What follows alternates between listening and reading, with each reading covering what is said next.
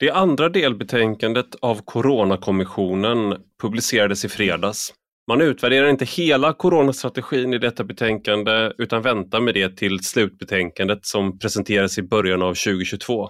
Men på pressträffen i fredags så sammanfattade man sina huvudsakliga slutsatser så här. Sveriges hantering har präglats av senfärdighet. Pandemiberedskapen var undermålig. Smittskyddslagstiftningen var och är otillräcklig. Smittskyddet är och var decentraliserat och fragmenterat. Hälso och sjukvården har med kort varsel ställt om och klarat av vården av sjuka i covid-19. Men det har skett till priset av en extrem belastning på personalen och att annan vård skjutits upp. Dagens gäst var en av dem som tidigt var kritisk till den svenska strategin. Björn Olsen är professor och överläkare i infektionssjukdomar och han är en av de mer internationellt framstående forskarna som vi har i Sverige inom sitt fält. Han har även skrivit boken Pandemin, myterna, fakta, hoten som gavs ut på Norstedts 2010 som jag verkligen rekommenderar för en mer generell bild av olika pandemier genom historien. I juli förra året sommarpratade han i P1 vilket ledde till skarpa reaktioner från en del håll eftersom Björn Olsen inte är team Folkhälsomyndigheten. Och det är någonting som man får sota för i vårt land. I dagens podd så pratar vi om Coronakommissionens delbetänkande, olika vägval och vad ett mer vetenskapligt förhållningssätt till pandemin hade kunnat ge. Du lyssnar på Rak Höger med mig, Ivar Arpi.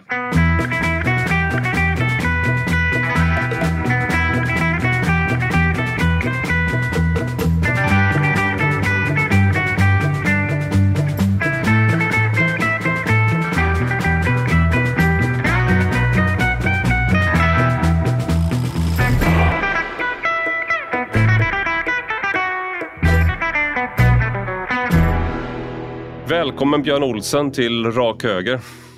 Tack. Du, ett tag så pratade vi lite tätare eh, och du var med i Svenska Dagbladets podd eh, som jag gjorde då när jag jobbade på Svenska Dagbladets ledarredaktion. Men nu var det ett tag sedan vi hördes faktiskt. Ja, det är över ett år sedan minst. Herregud. Ja. Ja, och då var du, då var du också väldigt... Eh, du var en av de här rösterna då som fick, fick någon sån här dissidentroll närmast. Mm. Och då menar jag verkligen dissident som i en eh, totalitär mm. stat. För att ni fick liksom någon sån här hur understår de sig att gå emot Folkhälsomyndigheten under eh, en sånt här kritiskt skede? Och du var en av dem. Och nu, liksom nu när, du, när det har gått lite tid, då, hur, hur ser du tillbaks på den där perioden. Mm, ja, det, det, var ju kanske en av de mer bisarra upplevelserna jag haft någonsin faktiskt. För jag, tycker, jag har alltid drivits av det här med vetenskap och som du vet och många andra vet så har jag snöat in just på pandemiforskning och det är någonting jag har hållit på med i nära 30 år, att titta på pandemier. Mm. Och när då Eh, Eh, det, det, dyker upp ett, ett, ja, ska vi säga, när det börjar snurra till ordentligt, när vi fick in smittan i Sverige och eh, myndigheterna intog en väldigt, eh, ska vi säga, tillbakalutad attityd att ja, men det här kommer ju snurra igenom precis som ett influensavirus och så får vi alla flockimmunitet och så är liksom det här över i princip. Mm. Och det kunde vi ganska snabbt se, även om vi från början, många trodde ju också att det var så. Många av oss som var kritiska forskare trodde att det kunde vara så. Mm. Men ganska snabbt fick vi besked om att det, det, är inte alls på det sättet, utan det, det sprids på ett helt annat sätt. Då var man ju tvungen att upphäva sin röst och eh, påtala att det, liksom verkligheten ser inte ut som ni presenterar den. Mm, ehm, eh, och ju mer eh, sådana här påtalanden från oss att verkligheten inte såg ut som man presenterar den, desto hårdare blev ju tonen kan jag säga, eh, den oförsonliga tonen ifrån framförallt eh, Folkhälsomyndigheten. Mm. Eh, där man målade ut oss som eh, ja, hobbyepidemiologer var väl det mildaste, men i övrigt att vi var snikna, vi var ute efter forskningsanslag, det var därför vi protesterade, vi försökte profilera oss vetenskapligt då så att vi skulle kunna få eh, höjda anslag för forskning och så vidare. Mm. Eh, och att det fanns en slags snikenhet och dessutom var vi inte bättre på att sia om framtiden Enok Sarri när han läste abborrmagar, enligt Johan Carlsson. Så att det, det, det, tog, det blev mer och mer absurt, verkligen. Mm. Eh, och eh, hela den här vetenskapliga diskussionen som vi verkligen ville ha, den, den föll ju platt. Alltså. Den, det blev ju ingenting kvar av den, det blev bara smulor av den. Mm. Så den här eh, ska vi säga, bristande lyhördheten ifrån myndigheten tillsammans med bristande lyhördhet ifrån regeringen, den, den gjorde ju att det, ribban sattes för på vilken nivå man kunde bedriva diskussionen. Mm. Alltså det handlade plötsligt inte om vetenskap. Det var många i och för sig som försökte diskutera vetenskapligt också, men inte Eh, framförallt inte media var inte intresserade av det, det kan jag inte tycka. Utan eh, det var ju mer att försöka polarisera så mycket det någonsin gick. Mm. Och eh, det upplevdes ju, när vi då protesterade, många av oss som var i opposition så att säga med den strategi man hade valt. Eh, och vi sa det att media fungerar ju mer som maktens megafon på något mm. sätt. Eh, då, då fick vi ju jäkligt mycket skit för det. Jag kommer ihåg att jag hade ett sommarprogram för ett år sedan mm. eh, i juli och då tog jag upp, alltså i ett långt manus så hade jag sju rader om medias roll under den här pandemin och jag tyckte att man skulle ha någon slags oberoende titt på hur media hade skött sitt uppdrag. Mm. Och efter det tog det verkligen hus i helvete, rent ut sagt, på ren svenska. Så det var efter eh, sommarpratet som du tog... Ja, då, eh, då accelererade det för mig, alltså för min egen personliga del accelererade Förutom tidigare betraktades vi mer som ett kollektiv, alltså de 22 forskarna som protesterade och då gav mm. man ju på oss, gav de ju på oss på ett kollektivistiskt sätt eller kollektivt sätt. Så där kunde vi ju alla kunde ju ta kraft av varandra, men efter sommarpratet så blev det väldigt, väldigt individuellt. Eh, mm. Eh, extremt individuellt. Och jag vet att man släppte ju fram sådana som Lars Ohly och Schulman och allt vad det nu var eh, i media. Alltså på bästa sändningstid fick de ju stå och läsa lusen av mig. Anders, vad heter han, Lindgrenberg på eh, Aftonbladet också. Just det, eh, och, Anders Lindberg, på, Lindberg ja, politisk chefredaktör på Aftonbladet och min främsta nemesis genom åren, även om vi på, på privat plan kanske inte tycker så illa om varandra så brukar vi alltid vara motdebattörer. Ja, jo, jag kan tänka mig det. Nej, men alltså, eh, och där eh, de här personerna då, för det första ska vi säga, eh, tyckte att jag var Sveriges farligaste man, att jag var farlig som överhuvudtaget eh, protesterade på det här sättet, att jag, hade, att jag var farlig som hade den här typen av åsikter. Eh, jag var galen, hela världen var inte galen, eller hela världen var mm. galen mm. tillsammans med jag, mig och ett antal andra. Medan Sverige var det enda, det var liksom förnuftets röst i öknen på något mm. sätt. Det var så man försökte framställa och det här blev allt mer, uh, det, var fruktansvärt helt enkelt. Det var inte kul mm. verkligen. Uh, så att jag, jag duckade och försökte ta mig ur mediacirkusen så gott det gick. Men det, det, gick ju, det var väl måttligt, det hade väl måttligt resultat. Utan jag återkom när snurrigheterna blev fler och fler. Och eh, då var och det, det var ju du då, för du fick ju liksom en det, det, det, är svårt att beskriva, för vi någon, på något sätt så är vi, vi har rört oss en bit ifrån det akuta mm. liksom 2020 då, om våren där, där det var som mest brännande. Men det är ändå svårt att se helt tydligt kanske, men en sån där sak som Lisa Bjurvald var inne, som jag hade som gäst eh, tidigare i år i, i podden, som hon var inne på i, i, eh, i en rapport om hur medierna hanterar det här, det var just det här att ja, som hon sa då, i Sverige är det ett större stigma att vara kritisk mot staten än att vara homosexuell. Och hon menade då, liksom, det var en del större resonemang, men hon menade just det då att medierna blev, släppte det här granskande uppdraget och blev mm. istället någon slags eh, förmedlare av Folkhälsomyndighetens eh, budskap, ja. blev megafoner, ja. eh, underdåniga och då blev det också mm. den här märkliga som man har pratat om många gånger, den här tysken som ställer kritiska frågor, mm. att det blev en grej. Eh, mm. Och där, där, här är det, liksom, ja, jag tänkte bara, och det där går ju i linje med ungefär vad du säger nu. Är det någon, liksom, håller du med om, om det? Då? Att det, det, så blev det med svenska medier? Absolut, det håller jag verkligen med om. Och nu har de ju hämtat sig ordentligt, eller de, de, nu, nu kommer ju de kritiska rösterna fram, alltså, speciellt efter den här Coronakommissionens andra delbetänkande. Mm. Då, där, där tävlade man ju plötsligt, samma individer i princip som många gånger hade varit just konformister och maktens megafoner tävlar ju nu om, i indignation över hur det kunde gå som det gick. Mm. Och det där tycker jag skorrar jävligt falskt. Alltså det, det, jag tappar respekten för den typen av människor.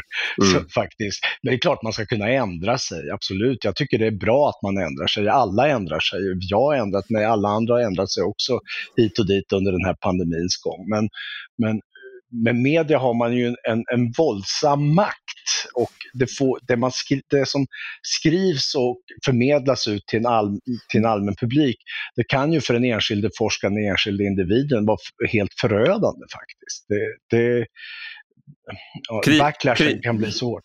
Kritikerna skulle ju säga nu då att du fick ett eh, sommarprat vi, vi på, när jag var, när jag var vi eh, med eh, Lydia Wåhlsten bland annat som inte heller är kvar på Svenska Dagbladets ledarsida men att vi då vi lyfte fram många av de här kritiska forskarna och mm. diskuterade hade de i podden.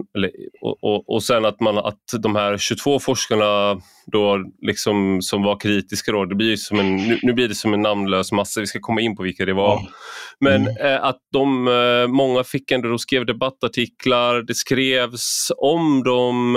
Eh, så att, att man då hävdar att det fanns visst en, eh, en mångfald av röster Um, ja. hur, hur, ser du på det motargumentet då? Nej, jag, tycker, jag tycker att man skrev, man skrev, man objektifierar ju de här 22 forskarna ungefär som en, jag menar alltså vad man gjorde det var ju att uh, se dem som en tvestjärt i badrummet, va? Mm. eller en silverfisk i badkaret. Det var ju någonting udda som man helst ville spola bort. Mm. Eh, så att jag, jag, håller verkligen inte med om den, eh, den slutsatsen att, vi, vi, att man hade en mångfald i, i, diskussionen och debatten, utan det var så att man lyfte upp oss som ett hårresande exempel på hur man kunde vara så eh, förbaskat osolidarisk mm. att gå emot den svenska strategin när vi hade någon slags politisk borgfred samtidigt kring pandemistrategierna. Mm. och då fanns det de då som hade fräckheten på något sätt att, att diskutera det här. Mm. Eh, jag bara ska förtydliga en sak. Många tror ju att jag fick sommarprogrammet på grund av, eh, på grund av pandemin. Det fick jag inte alls, utan jag fick, det, jag fick veta att jag var sommarpratare långt innan pandemin. Mm. Så det hade inte, egentligen inte alls med det att göra, utan det var väl min roll som upplysare av kring epidemier och eh, medicinska frågor i allmänhet, att det hade varit mycket i media kring allt från eh, influensa till fästingburna infektioner till antibiotikaresistens och annat. Det, så det, det, det, nej, det stämmer inte riktigt. Utan, men det är klart, det framställdes på det sättet. Ja, det gjorde det. Om man ja. men, och, och, och sen, eh, en sak som jag tänker på är ju, jag tror att jag tog upp det i podden med Lisa Bjurvald också, och det är att som jag ser jag vet inte hur du tänker kring det, men att å ena sidan så finns det ett utrymme då där till exempel man kan komma till eh, Studio 1 och ha en debatt till exempel med någon. Man kan också skriva en debattartikel, man kan mm. bli intervjuad i TV. Men det fanns, som jag såg det, var det väldigt få vägar fram till Folkhälsomyndigheten och de tog inte i kritikerna med tång. Eh, annat. Och om de tog i det så var det som du var inne på i början med Johan Carlsson, att det var nedlåtande, avfärdande, som att mm. man eh, inte är någonting man inte behöver befatta sig med. Så då har man å ena sidan, ja vi har då en, eh, man skulle kunna hävda att man har en intakt så att säga yttrandefrihet och mm. eh, att vi har flera uppfattningar men samtidigt så var det ingenting som nådde fram. Det finns ingen kritisk diskussion med makthavarna eh, vad, vad, det verkar och de tog, verkade eh, liksom inte ta till sig av den här diskussionen. Det fanns liksom ingen, eh, och de ville inte ställa upp i debatter i regel heller. Hur, hur tänker du kring det?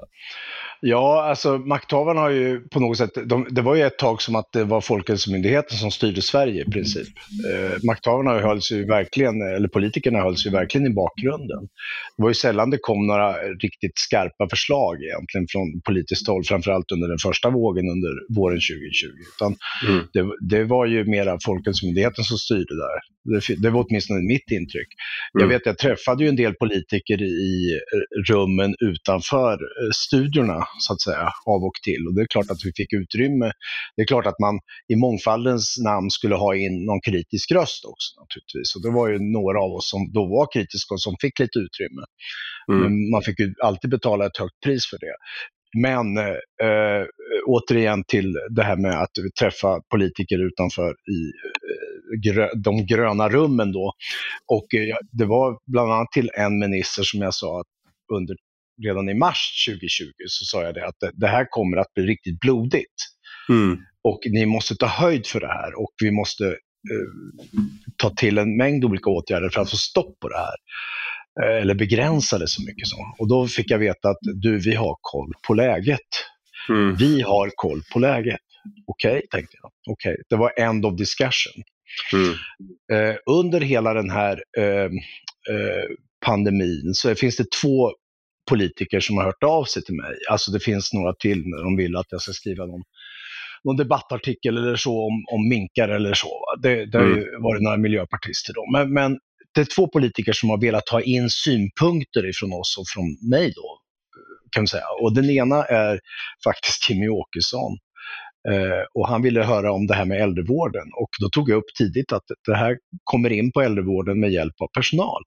Det, mm. det är så det är det funkar på det här viset. Så det, det, är så det är. Och så det är där man måste liksom sätta in resurserna mm. för att minska spridningen på äldrevården. Den andra som tog upp, som hörde av sig, det var Ulf Kristersson. Mm. Och han ville diskutera provtagning. Varför mm. provtagning var så viktigt. Mm. Testa, testa, testa. En timmes diskussion med båda. Mm. Och det, var, det är de enda som har hört av sig under hela tiden de kanske inte har lika stor beröringsskräck med oss 22 forskare, så det, det, kan, det kan ju vara det. Men i övriga så har vi sträckt ut händer både hit och dit, men aldrig fått svar ens en gång. Utan, eller ibland något svar som är liksom avfärdande, att vi har inte tid med det, ungefär så. Så har det varit.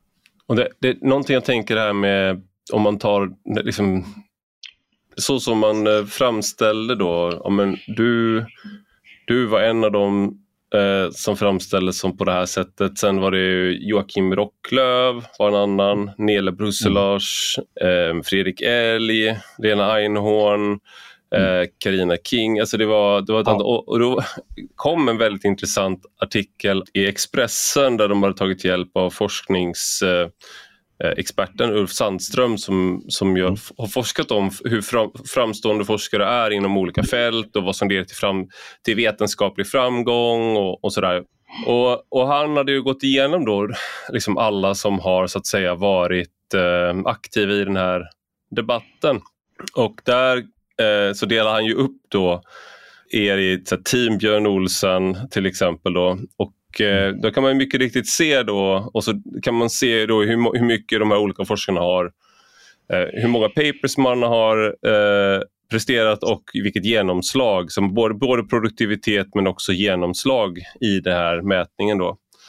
Eh, och där kan man ju mycket riktigt se då att eh, liksom, de kritikerna då som avfärdades ligger ju väldigt, är ju väldigt fram, framstående forskare, du själv inkluderad liksom, och tillhör då mellan eh, topp 1 och topp 5 procent, väldigt många av dem som var eh, tongivande även i debatten. Men medan då liksom de som arbetar för Folkhälsomyndigheten som Anders Tegnell, Johan Giesecke, Karin Tegmark Wisell, Sara Byfors och Anders Wallensten mm. är väldigt långt ner. De har inte presterat särskilt mycket vetenskapligt. Och man, om man ska vara, börja med att vara snäll så kan man säga att det är för att de är, nu så arbetar de på heltid för en myndighet.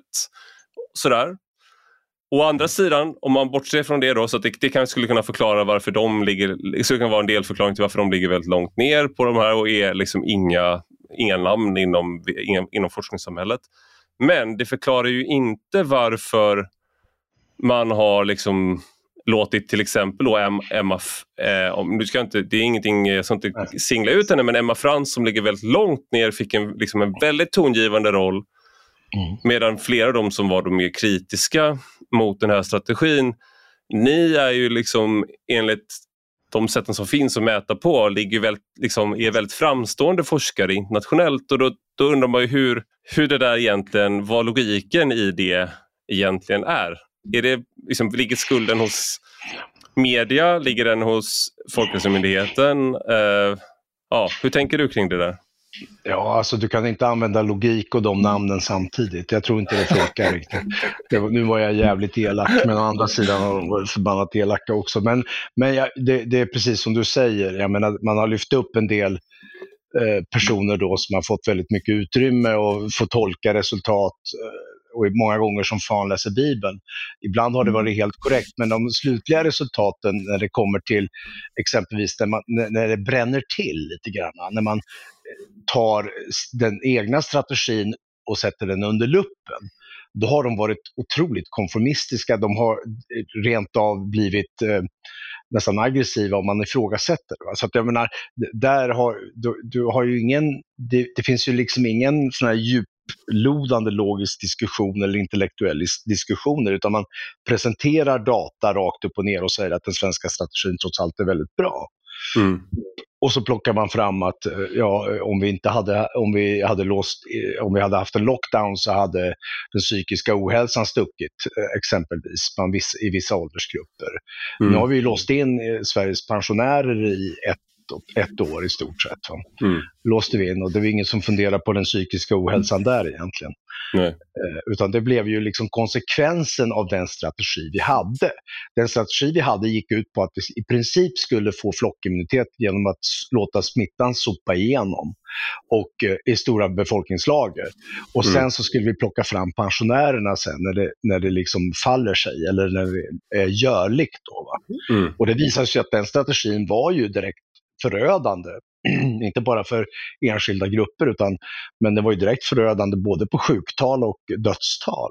Mm. Den strategin. Och den, den, har legat som en våtvarm filt över hela ska vi säga, den svenska strategin från början till slut. egentligen, Det här med mm. flockimmunitet.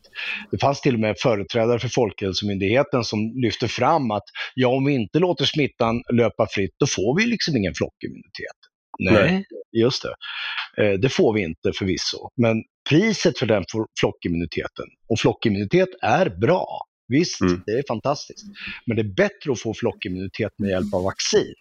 Mm. För då skyddar vi faktiskt folk och då får vi folk att, jag menar, då undviker vi att människor dör av det här. Mm. Eh, men men eh, konsekvensen av det här blev ju att vi hade höga sjuk och dödstal.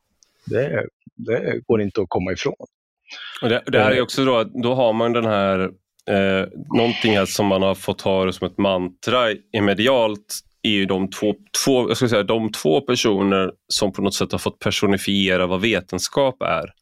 Mm. är Agnes Wold och Emma Frans. Och de, jag är på Twitter också och de har gjort ett, gjort ett väldigt stort avtryck där. under, under mm. uttalade, Särskilt Agnes Wold uttalar sig väldigt tvärsäkert men även Emma Frans och det var alltid till stöd för då den här Folkhälsomyndighetens linje oavsett hur den svängde. Och ja, sen, dessutom, och sen, ja. ja, fortsätt. Nej, men fortsätt du, förlåt. Nej, men och sen då samtidigt som man upprepade mantrat då om att man ska lyssna på vetenskapen. Mm. Och då blir det ju märkligt då när du har till exempel då eh, de här som ligger allra högst upp i topp vad gäller just vetenskaplighet som enligt det här sättet att mäta då som Jonas F Ludvigsson, Emil mm. Bergholtz och de säger liksom att okej, okay, Team eh, Tegnell eh, ligger extremt långt ifrån internationell konsensus. Eh, och sen har du en sån då som Emma Frans som när hon skriver sin, skrev sin bok då Alla tvättar händerna om pandemiåret 2020. Eh, mm. Då, då påstår hon i den boken att om jag var kritisk, jag hade, jag hade tvivel och eh, sådär. Det var bara det att om man kollar igenom eh, hennes, vad hon har sagt så har hon aldrig någonsin gett uttryck för tvivel åt det hållet utan hon har ju varit då en maktens megafon. Jag får, jag får bara inte ihop den här grejen med att både vara då en sån megafon och oh, stenhård försvarare och du får representera vetenskapen samtidigt som du inte är en av de framstående vetenskapsmännen och du istället raljerar över de som faktiskt är framstående forskare inom de här fälten. För att de inte håller med den ansvariga myndigheten. Får du, nej, får alltså du ihop det? det? Nej, jag, nej, nej, jag får inte ihop det alls. Alltså, du vet, Emma Frans, det där att hon, hon, hon har minsann varit kritisk. Eh, kritisk. Eh, det där är ju en bekännelse under galgen. Mm. Och det är intressant, nu är inte jag på sociala medier överhuvudtaget, men jag får ju åtminstone rapporter om vad som pågår där. Och jag kan väl säga det att efter Coronakommissionens utlåtande nu, vid senaste eh, inlägget här, så, så eh, var ju eh, både Emma Frans och Agnes Wold smakfullt tysta. Mm. Faktiskt. De sa ju inte flaska egentligen. För mm. här kom det då från officiellt håll. Regeringens egen till utredning kommer fram till att man har varit senfärdig och eh, man har inte testat tillräckligt mycket. Mm. Och därför har det bland annat gått åt skogen.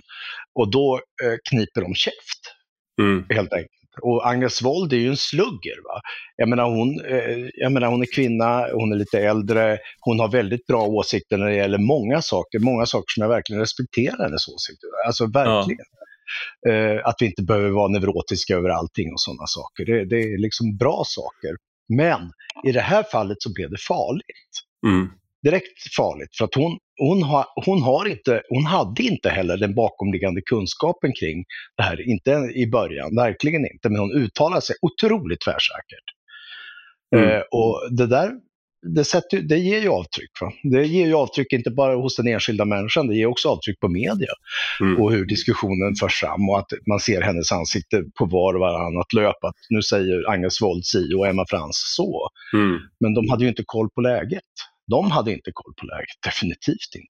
Nej, och då, den här, vad ska man säga, det finns ju en sån dikotomi som återkommer eh, nu, nu, pratar vi om just Agnes Wold och Emma Frans och jag skulle vilja beskylla dem för det, men det är ganska vanligt och det är att vi, vi då, om jag räknar in mig själv till vanligt folk, mm. förstår inte komplexitet så att eh, de måste förklara komplexitet men någonstans kan det där bli lite parodiskt när det är de som förenklar ett skeende då för att förklara för de, en, liksom de, de dumma mm. massorna som inte förstår skillnad på korrelation och kausalitet och sådana saker. Och ibland så blir det så förenklat att det blir fel och ibland så känner de kanske att de måste då vara den här auktoriteten i vit läkarrock som berättar exakt hur det ligger till och, mm. och den, den rollen tog de på sig i det här coronet och vi då i media, om jag räknar in mig själv där, gav, har ett stort behov av sådana auktoriteter som berättar, som säger ett klart och tydligt och då, och, då, och då ringer man dem och de svarade och då fick de den, den rollen helt enkelt. Eh, men de jobbar ju hårt på sitt varumärke också. Va? Båda ja. säljer böcker, båda eh, förekommer i media i diverse olika program hit och dit. Och de älskar, älskar det helt enkelt. Det, mm. det är, liksom, det är deras näring. Mm. Och det är klart, de, de, de, det är klart som tusan att de höll sig framme blixtsnabbt för att liksom komma med sina synpunkter och åsikter hit och dit. Och ibland blev det fel. Ibland, ofta blev det väldigt, väldigt fel. Särskilt från Agnes Wolds sida, måste jag mm. säga. Eh, hade hon uttalat sig om någonting helt annat när det gäller hälsa och eh, vällevnadssjukdomar och att vi inte behöver vara neurotiska, då hade jag haft stor respekt för vad hon hade sagt. För i allmänhet har hon rätt, va? Men, mm. men här blev det jävligt fel. Eh, och dessutom, det andra som, nu, nu tycker jag inte att du Ivar ska ta åt dig för mycket av det där, eh, att du som representant för media, visst var du det. Men du var ju faktiskt, du tillsammans med Peter Wolodarski var en av de få journalister som faktiskt upphävde en röst och sa att det är någonting som skorrar falskt här. Mm. Det är någonting som inte stämmer. Och tog in andra alternativa röster, eller alternativa röster. Ni tog in några av oss 22 här, forskare till diskussion. De, här de förhatliga. Helt, de här helt liksom perifera forskarna ja. som aldrig någonsin har varit i närheten av någon slags forskning. Förutom då att man, de är liksom internationellt sett låg närmare ja. hur andra länder agerade och dessutom ja. låg i framkant inom sina respektive forskningsfält. Mm. det, det, var ju, och det här, är, det här blir en... Eh, det, det, men det finns en, eh, en intressant... För det, jag, jag undrar... Eh, jag tänkte vi ska gå vidare alldeles strax till Coronakommissionens delbetänkande som kom då i mm. dagarna.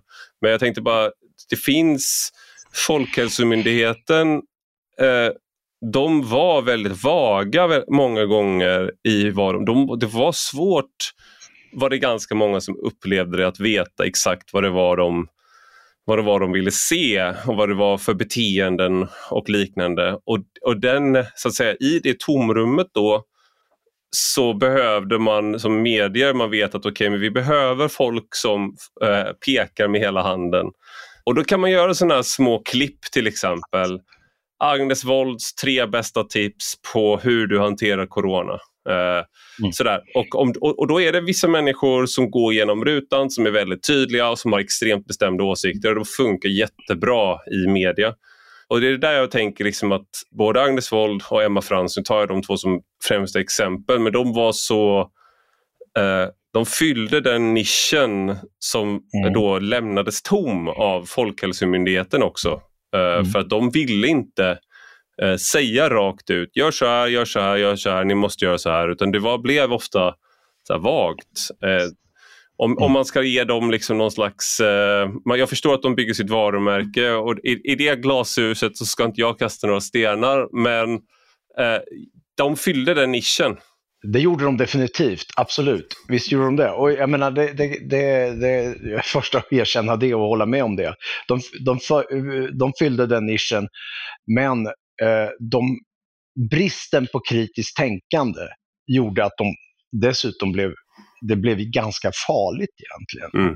eh, anser jag. Eh, jag menar, om vi inte har en, en, diskussion, jag, tycker, jag älskar att diskutera saker och jag älskar att vrida och vända på saker. Man behöver, det värsta som finns det är alla sitter och håller med. Det, mm. det är det, nästan det farligaste som finns, för då kan det gå käpprätt åt helvete. Men eh, och, i det här fallet har du verkligen gjort det. Mm. Eh, så att eh, där fanns det jag tycker att om, om eh, media hade varit lite smarta så hade de kanske släppt fram oss andra lite mer i, mm. i den här debatten. Man, man behövde inte sätta Emma Frans och mig, jag själv då, på ena sidan av bordet och så ställer eh, reporten frå, eh, frågor så att säga, utan man kunde ha ställt oss mitt emot varandra och diskuterat, ja men vänta nu, vad är det du säger egentligen? Mm. Det hade varit lite mer fruktbart tror jag. Eh, Eh, problemet är ju, problemet var väl egentligen att det var Folkhälsomyndigheten väldigt mycket som satte tonen för vad som var en vetenskapligt korrekt eh, diskussion i Sverige, men inte i världen i övrigt, men i Sverige. Eh, och eh, bland annat så kommer jag ihåg att vi försökte, man dissade oss som forskare, man dissade oss som att vi överhuvudtaget hade kunskap om det här fältet, även om vi hade jobbat med det i flera decennier, hundratals år tillsammans. Så dissade man det och eh, sa att det var inte värt någonting. Och då, vi har våra egna experter och de är otroligt mycket mer avancerade. Bra, sa vi, om ni har era egna experter, kan vi få, kan vi få veta vilka de är? Mm. Det fick vi alltså inte. Nej. Det var det första stora misstaget egentligen. Att vi inte, vi, vi stötte på verkligen för att få veta vilka experter är det ni lutar er mot. Mm. Och det är klart att en expert man lutade sig mot som är väl epidemiologins grand old man i Sverige, det var Johan Giesecke naturligtvis. Ja. Och han satte på något sätt också eh, ribban för var diskussionen skulle ta vägen eh, och hur den skulle föras. Alltså flockimmunitetstanken, det, det, mm. den genomsyrade hela tänkandet. Där. Så det, ja, nej, det, det blev fel från början. Och här, då, är det bra, då, då, är det trevligt att kunna föra fram ett par eh, väldigt klara och tydliga individer, eh, kanske i form av Frans och Wold då, eh, som kommer med, med distinkta budskap i och med att myndigheten själv inte klarar av det. det mm. Jag håller med helt i den analysen, verkligen. Någonting jag tänker här är också att folkhälsan, nu har vi en eh, om man jämför med, med SARS, SARS eh, CoV-1, mm. eh, alltså fågelinfluensan, och den världen vi levde i då, då fanns inte sociala medier i den utsträckningen. Folk var inte lika uppkopplade mot omvärlden. Även om det inte är så länge sedan så har det hänt väldigt mycket. Och då just den här dramaturgin som man då iscensatte dag efter dag med en presskonferens och sen ställer journalister korta frågor och sen går Mm. Folkhälsomyndigheten. Jag mm. tror att den formen också delvis eh, har spelat ut sin, sin roll som ett forum för meningsfull kommunikation. För att jag, det jag tänker, och som jag tror hade gett mycket mer, det hade ju varit till exempel att ja, men, Låt Anders Tegnell, Johan Giesecke och eh, någon mer då från den sidan sitta och samtala ihop med eh, några av kritikerna på andra sidan eh, mm. och i två timmar eh, SVT Forum eller tre timmar. Mm. Och så låter man dem, för, ungefär som en presidentdebatt. Alltså, den typen av transparens då där det i så fall blir istället för att det ska sitta då journalister som eh, har blivit tvingas försöka förstå epidemiologi på några veckor tillräckligt väl för att kunna ställa smarta frågor eh, som faktiskt är meningsfulla. Och det, här, det här tror jag bara är en anledning till att, den, att det, sen, det konceptet som jag då pratar om nu, att det inte skulle kanske fungera var att Folkhälsomyndigheten som du är inne på, de var inte transparenta och de ville inte vara transparenta. De ville inte ge ut, de, de tyckte att det var eh, det tog lång tid att få ut rätt underlag. Det tog lång tid för dem att presentera dem, den, liksom, den statistik och det underlag de hade till grund för sina beslut och ibland hade, fick man inte fram det heller. Nej, det stämmer. Det, stämmer. Eh, det, det slogs ofta undan, Nej, det, att det ungefär var oväsentligt. Va? Eh, mm vi, vi vet det här, punkt slut. Och det, jag menar, det, det, var många gånger det var som man tänkte, man tog sig för huvudet, eller jag tog mig för huvudet och undrade vad är det som pågår egentligen? Är det någon slags mental härdsmälta här? Och det mm. upplevde jag att det var, en, men eh, framförallt en, ett intellektuellt vakuum, totalt. Mm.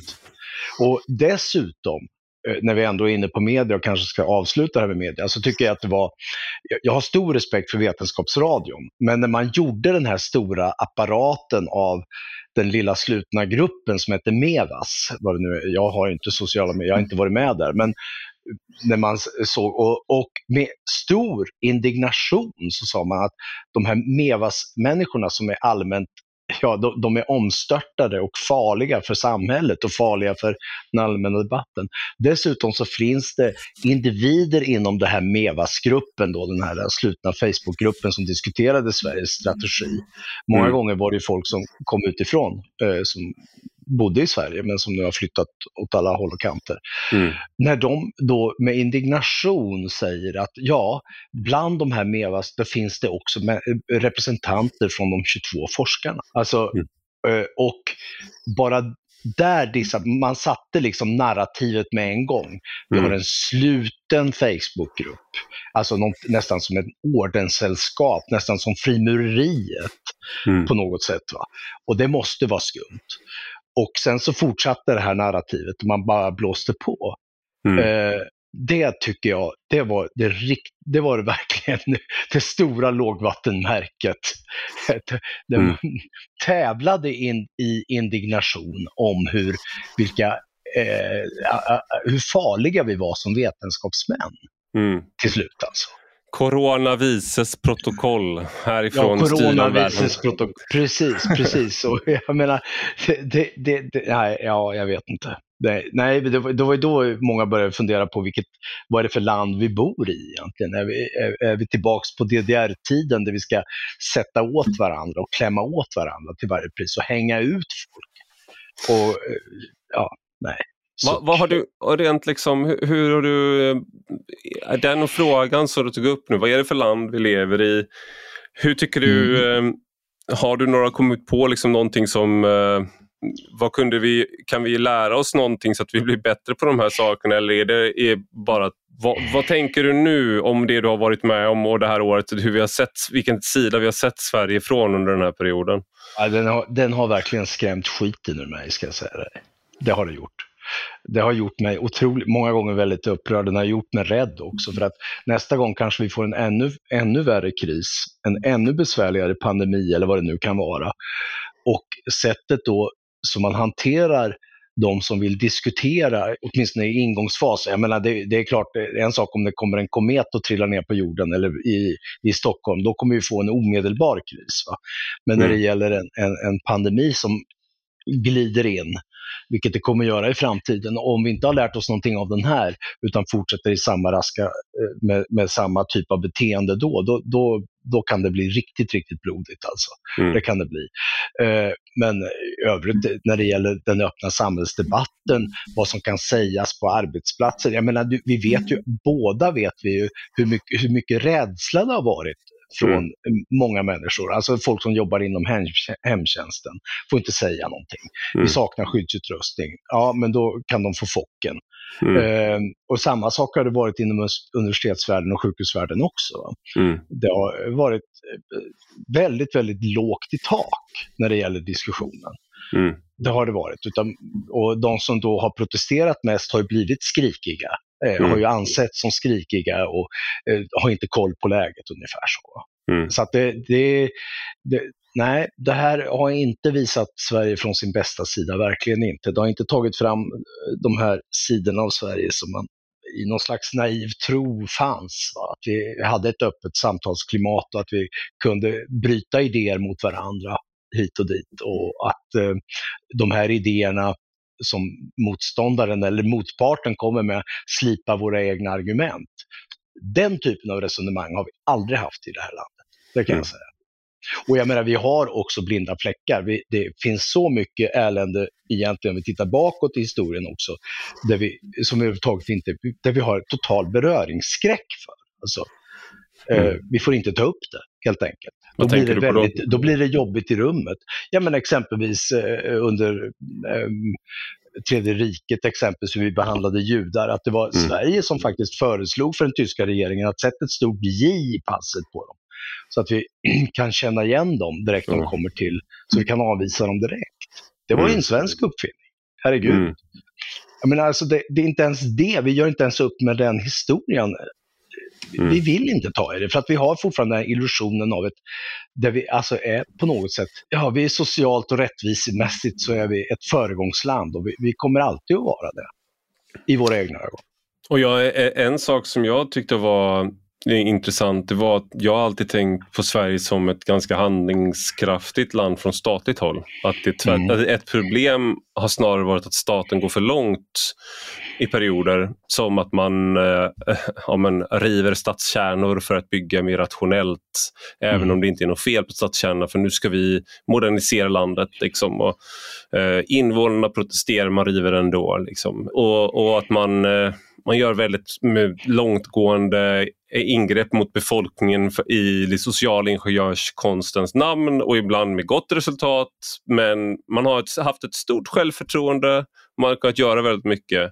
Och under aids-epidemin på 80-talet så gick man väldigt långt i sina mm. åtgärder eh, från medicinskt håll.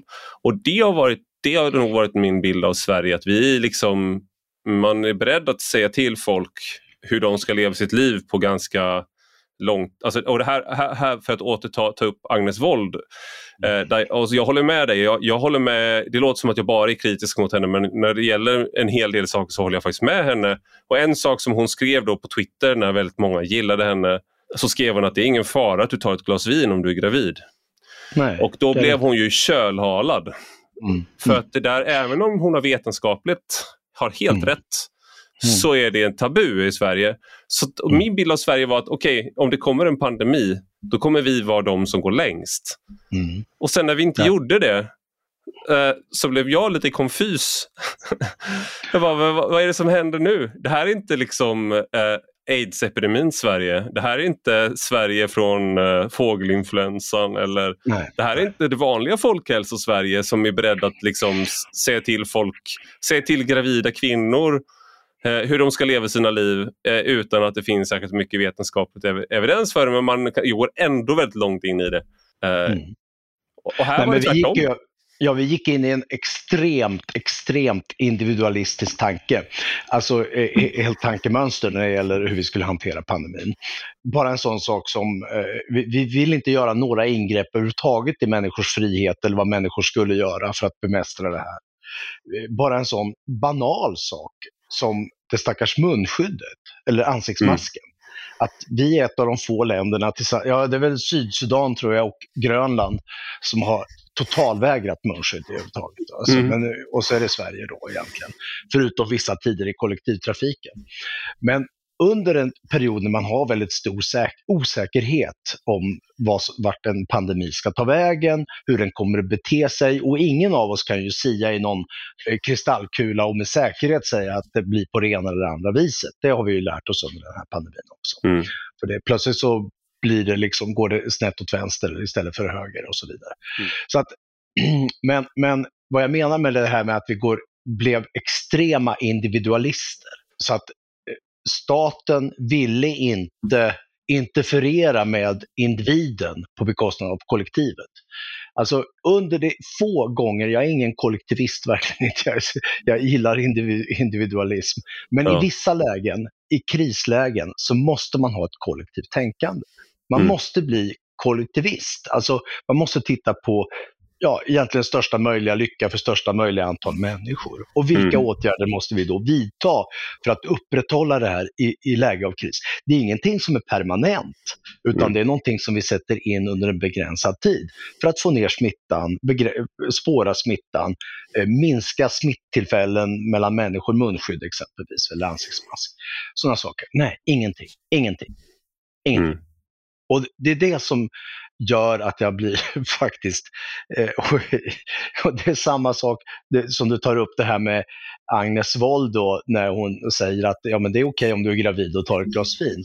Det är absolut mm. inga problem att ta ett glas vin när man eh, är gravid. Och att hon blir kölhalad, det är också det tecken på den här, eh, ja, jag vet inte vad det är, men det, det, det väcker plötsligt eh, hälso... Alltså det, det, det, det är några sådana här hälsofanatiker där ute som hela tiden ligger på, ja men det är så farligt. Man, man har under hela eh, under de senaste decennierna har vi liksom lyft det, att det ena är farligare än det andra. Mm. Och är det så att du är osäker så ska du höra av dig till vården.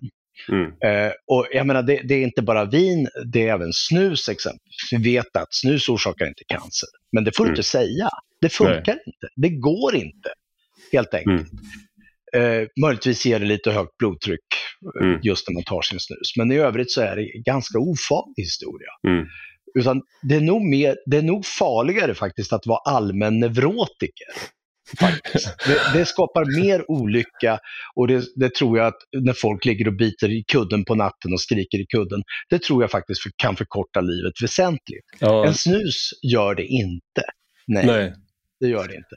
Men däremot i vissa lägen så måste man gå över till den här kollektiva tanken. Och det, det, det, här, det här är en sån här Sydsvenskan nu kommer jag inte ihåg vem det var som skrev, det låter som en härskarteknik, men där var mm. det någon som skrev bara häromdagen att det var fantastiskt att Sverige eh, vi undvek katastrofen trots allt. Trots alla liksom larm och allting sådär, så, så gjorde, vi eh, det liksom, gjorde vi det som var bäst och det blev ändå bra. Och nu kan vi se att vi undvek... Var inte det, var inte det Anderberg? Ja? Han som skrev Flocken. Ja, ja precis. Och, jo, mm. just det, det var Johan Anderberg som skrev det. Och, mm. och, sen, och sen då berömmer då regeringen för dess liberala impulser och instinkter mm. i det här då, där man fokuserar på individen.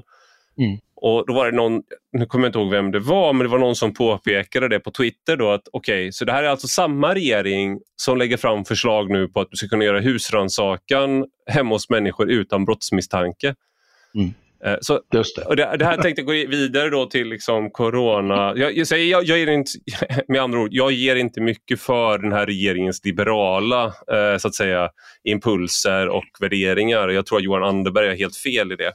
Ja. Eh, och, jag, och här är då delbetänkandet kommer in här att det som, en del av det som eh, ser ut som en strategi, eller som framställs som det, som argumenteras som det, de konstaterar i delbetänkandet bland annat att Sveriges beredskap var inte god. Den, vi hade inte, man hade inte planerat för, eh, liksom, man hade inget beredskapslager, man hade brist på skyddsutrustning eh, och då blev liksom den här, vi kunde inte testa för vi hade inte test. Och då så framställer man det som att men då kan man sätta sig själv i karantän eh, och det duger lika bra och så hade man, så man hade hela tiden så att säga eh, uppfann argument för den situation som fanns. Och det tror jag snarare Ja, och det mm. tror jag snarare förklarar den här strategin bättre än att det skulle ha att göra med att man har läst så mycket John Stuart Mill eller mm. sådär och att mm. man in, värderade individens frihet så högt. Eh, Men jag tänkte, du, du har ju läst, det här är då en rapport för den som, som eh, Coronakommissionen kommer i med två delrapporter och sen eh, så kommer slutbetänkandet i början av mm. nästa år. Och det här, där de kommer att presentera hur, hur bra de anser att regeringen hanterade pandemin.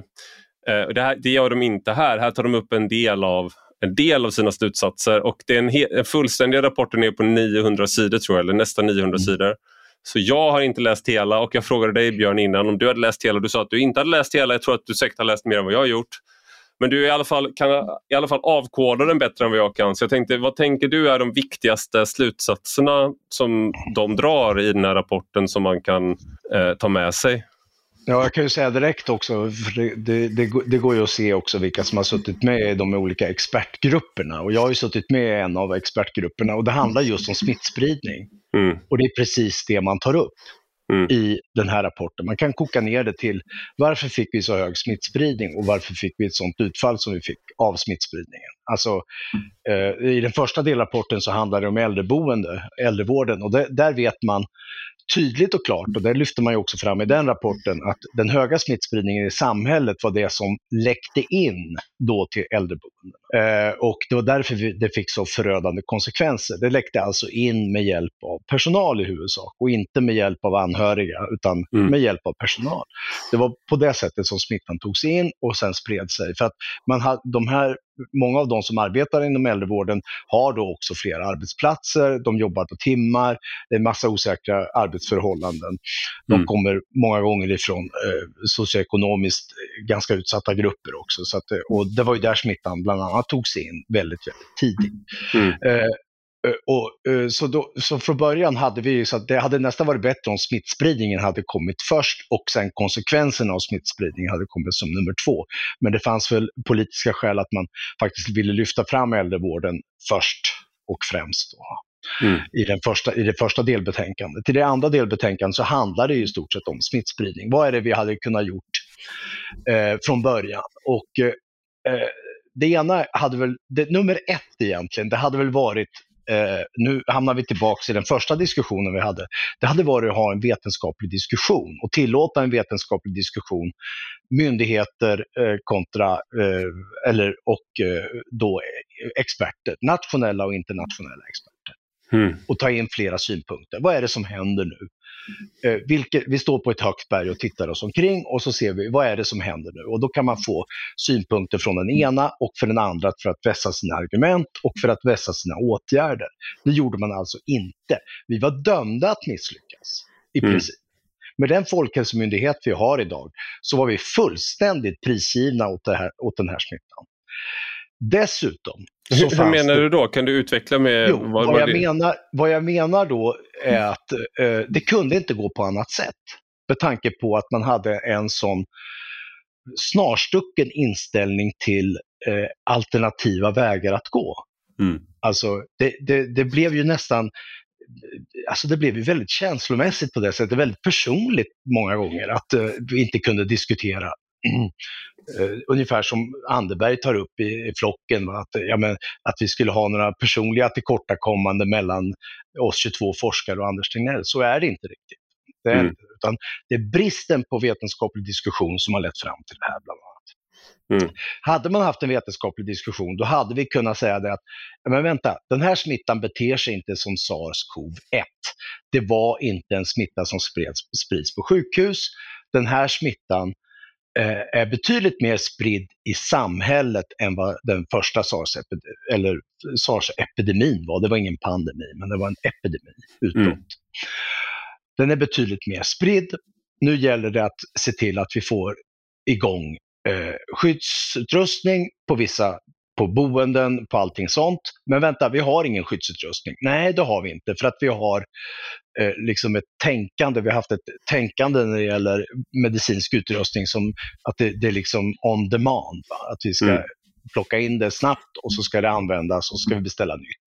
Men nu var det så att hela världen skrek efter det här, så att då mm. fanns det ju alltså och i sann byråkratisk anda så dissar vi då också samtidigt eh, de privata initiativ som fanns, både med folk som ville ta in skyddsutrustning via eh, icke-konventionella vägar, mm. eh, och sådana som ville bygga skyddsutrustning i Sverige, som ville mm. hjälpa till. Alltså, mm. nej, det går inte. Och där var ju Arbetsmiljöverket, som också får en släng av sleven i den här andra rapporten, hade ju en ganska stor impact på det, va? på att det blev som det blev. Att man inte godkände eller att man segdrog när det gäller godkännanden. Ja. Dessutom så, så la man ju över då eh, eh, inköp av skyddsutrustning på Socialstyrelsen som egentligen inte är exekutiva i det sättet, som inte kan sköta inköp. Utan det hade varit bättre om man lagt över det på en annan myndighet. Mm, som är van vid att upphandla internationellt i konkurrens Exakt. med andra. Det, jag menar, jag kan bara tänka mig själv om jag skulle ha varit, valt en annan väg i livet mm. så hade jag kunnat vara en sån där tjänsteman som satt på en myndighet mm. och som plötsligt får det i knät att nu ska du börja upphandla. Ja. Men vad fan, jag har aldrig upphandlat. Nej, jag har aldrig upphandlat. Hur gör man då? Ja. Vilket språk? Ja, precis. Nej, men, precis, ja men det, det hamnar där. Det är det ena. Så att det fanns alltså inte. Det fanns ingen skyddsutrustning i ladorna och vi kunde inte upphandla det i tid heller. Så det, det, på det sättet så kunde det liksom bara gå fel. Mm. Det andra sättet var när vi började prata om testning.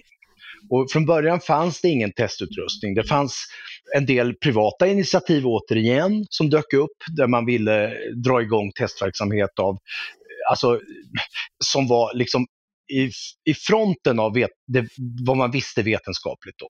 Men mm. vi visste också att testerna skulle komma. De skulle komma snabbt och det gjorde de ju också. Mm. Olika typer av tester från början antikroppstester och sen blev det mera här tester där man påvisar viruset på olika sätt. Mm. Uh, och, och, där gick ju, det var, fanns ju konsortier i Sverige där, som ville gå ihop och, och, sätta igång och masstesta och säga att vi, vi kan testa hur mycket som helst. Vi, vi, vi, ställer om all vår labbverksamhet nu under den här kristiden till bara en enda sak. Vi vill testa mm. och hjälpa till med det. Och sen så tar vi upp vår egen forskning sen. Inte, det gick inte heller. Mm. Eh, och på det sättet så tappade vi fullständigt kontrollen över den här smittan. Vi hade mm. ingen koll på läget överhuvudtaget. Utan den enda proxyn vi hade för att se hur stor smittan var ute i samhället, det var egentligen på sjukhusinläggningar. Mm. Alltså, hur mycket sjukhusinläggningar har vi?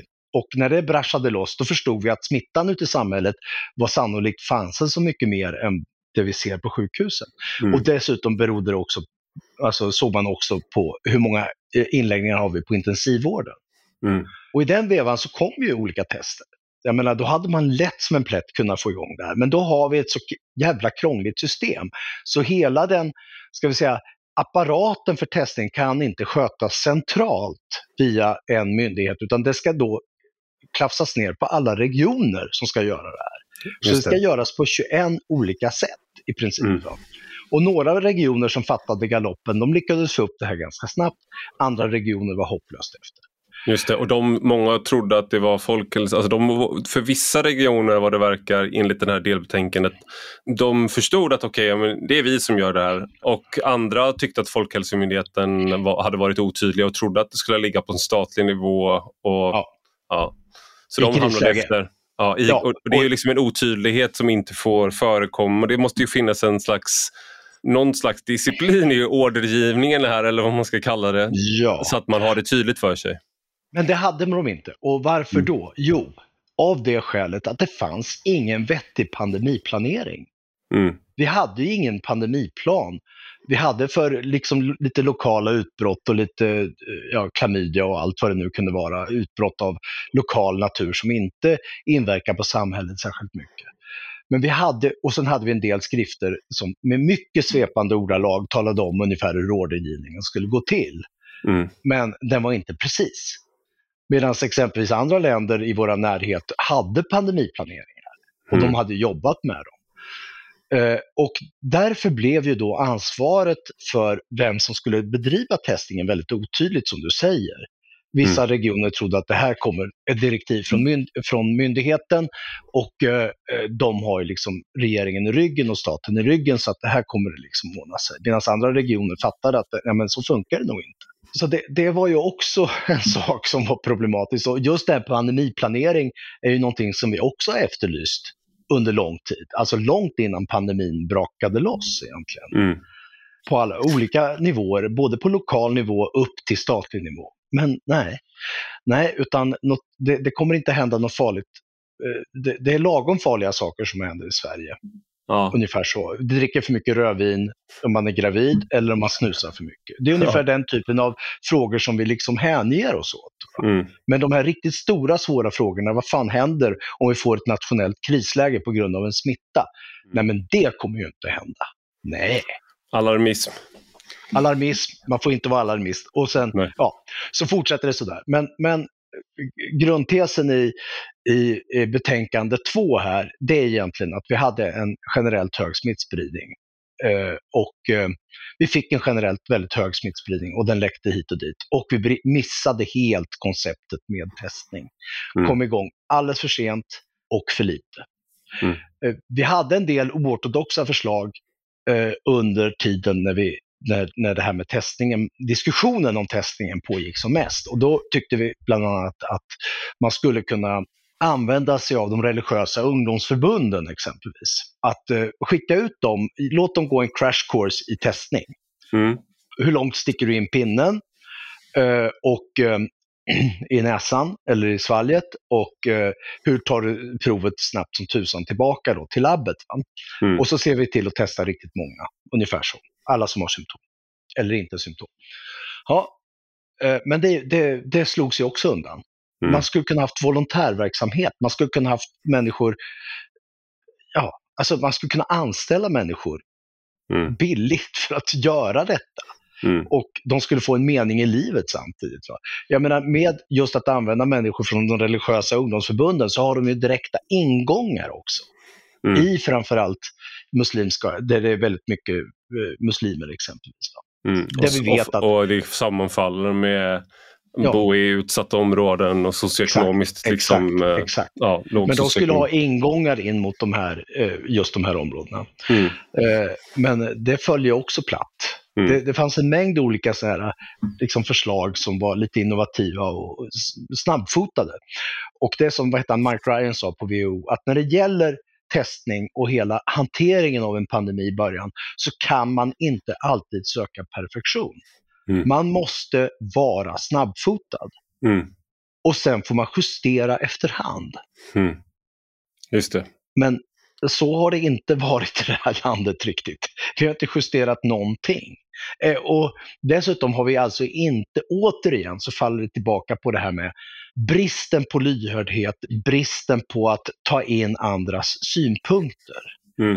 Eh, exempelvis det här med luftburen smitta. Hur mycket ska mm. inte det diskuteras i Sverige? Medan mm. det i andra länder är fullständigt självklart att det här är luftburet. Mm. Till största del. Det är så det smittar. Annars, annars hade vi aldrig fått det här utbrottet. Om det bara hade varit hostning, då hade vi kunnat begränsa det på nolltid. Nej, vi har en smitta som sprids utan att vi märker det. Och vilken är den kon konsekvensen av det då? Jo, kanske munskydd. För att minska risken för spridning till din nästa. Men det där med munskydd var också en sån där när, ja. när, vi, när vi diskuterade och jag var en tidig för, på, vi på ledarsidan var en tidig förespråkare det och då var det ju inte för att vi hade, hade forskat om det på Svenska Dagbladets ledarsida utan det handlade till stor del om hur gör andra länder? Hur ser WHOs rekommendationer ut?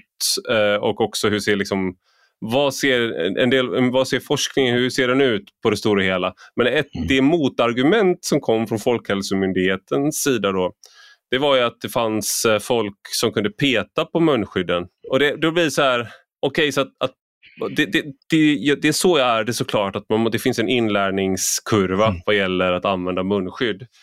Eh, men att det är värre att peta på ett munskydd än att någon som är sjuk nyser eh, på dig. Eller dessutom om du, är där, om du själv är den som är sjuk och har ett munskydd.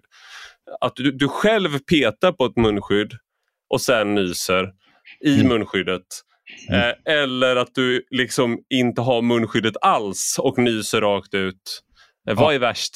Alltså det, det, och, det här, och det här fanns det ju såklart ingen studie som nej, Folkhälsomyndigheten hänvisade till utan det de sa då var att då var det någon journalist där på presskonferensen som satt och fingrade på sitt munskydd.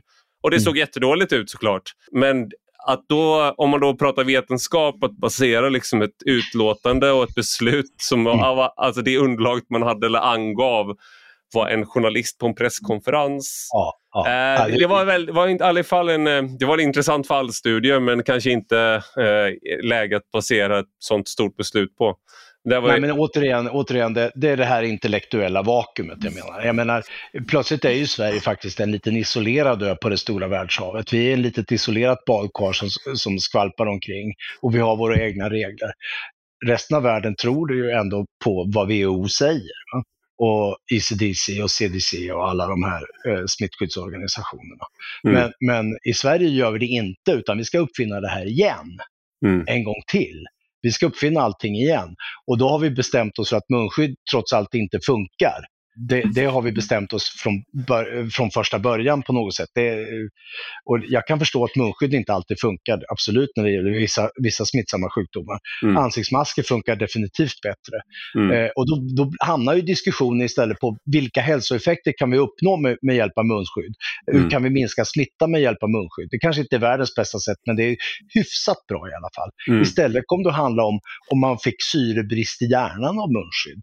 Eller precis den här diskussionen som du tog upp nu, vad händer om man petar på munskyddet? Och att det mm. kan faktiskt vara farligare att använda munskydd än att inte använda munskydd. Just det. Alltså, och det, det idiotförklarade ju diskussionen direkt. Det mm. gjorde den ju fullständigt korkad, hjärndöd. Sen, sen är det en sån här sak där Någonting som man tar upp i delbetänkandet är att regeringen ändrade sina rekommendationer och ändrade liksom strategi men utan att säga vad det var som hade, vad det var som hade ändrat liksom, mm.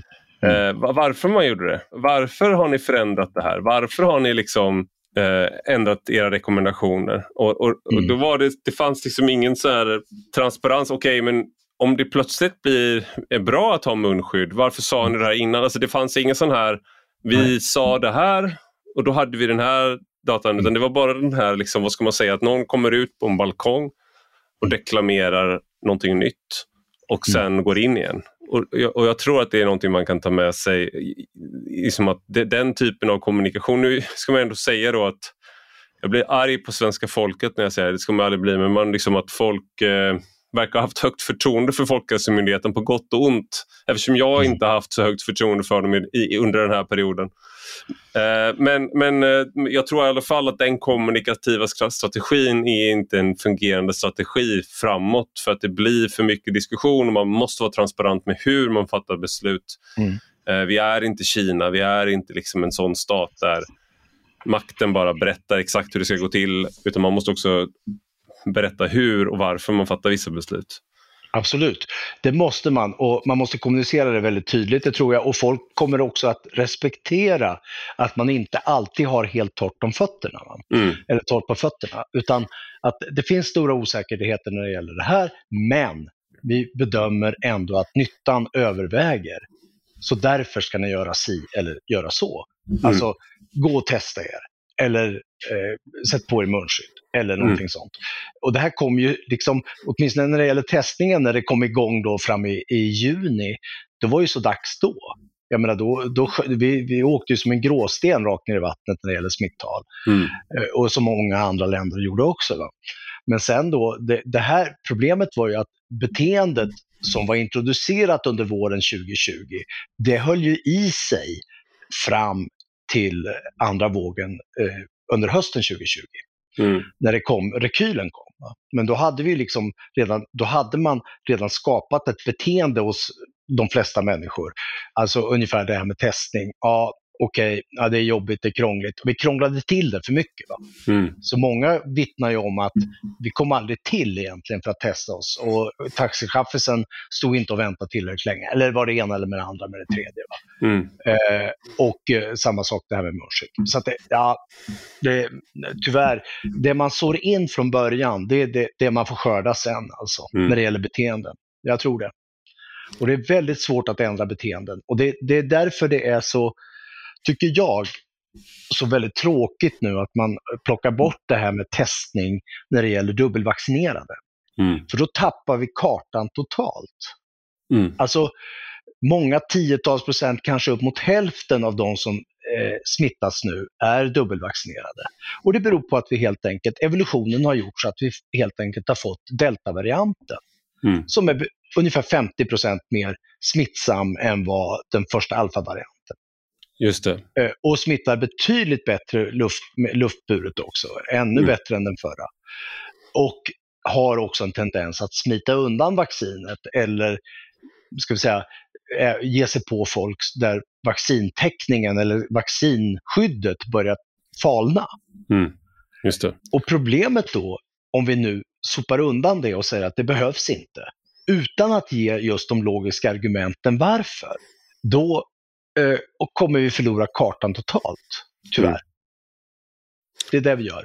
Och jag menar, jag menar inte att vi ska hålla på och testa in absurdum i, i fem år till. Det är inte det som det handlar om. Men vi är fortfarande inne i pandemin. Och den här typen av ska vi säga, repressiva åtgärder, som, eller äh, återgångsåtgärder till någon slags normalitet, när vi fortfarande är inne i pandemin, det tror jag är fatalt. Det kan bli riktigt jobbigt. Stort tack Björn Olsen för att du var med i Rak Höger. Tack. Och stort tack till dig som har lyssnat. Detta är alltså en del av en större publikation på Substack med samma namn som podden. Den som prenumererar där får två texter i veckan utöver den här podden varje söndag. Gillar man det man läser och hör så får man gärna bli betalande prenumerant för 5 euro i månaden eller 50 om året. Och då får man också ta del av lite extra material som är exklusivt för betalande prenumeranter. Du hittar rubbet på ivararpi.se. Och har du några frågor eller synpunkter kan du alltid mejla mig på ivararpi.substack.com. Vi hörs om en vecka.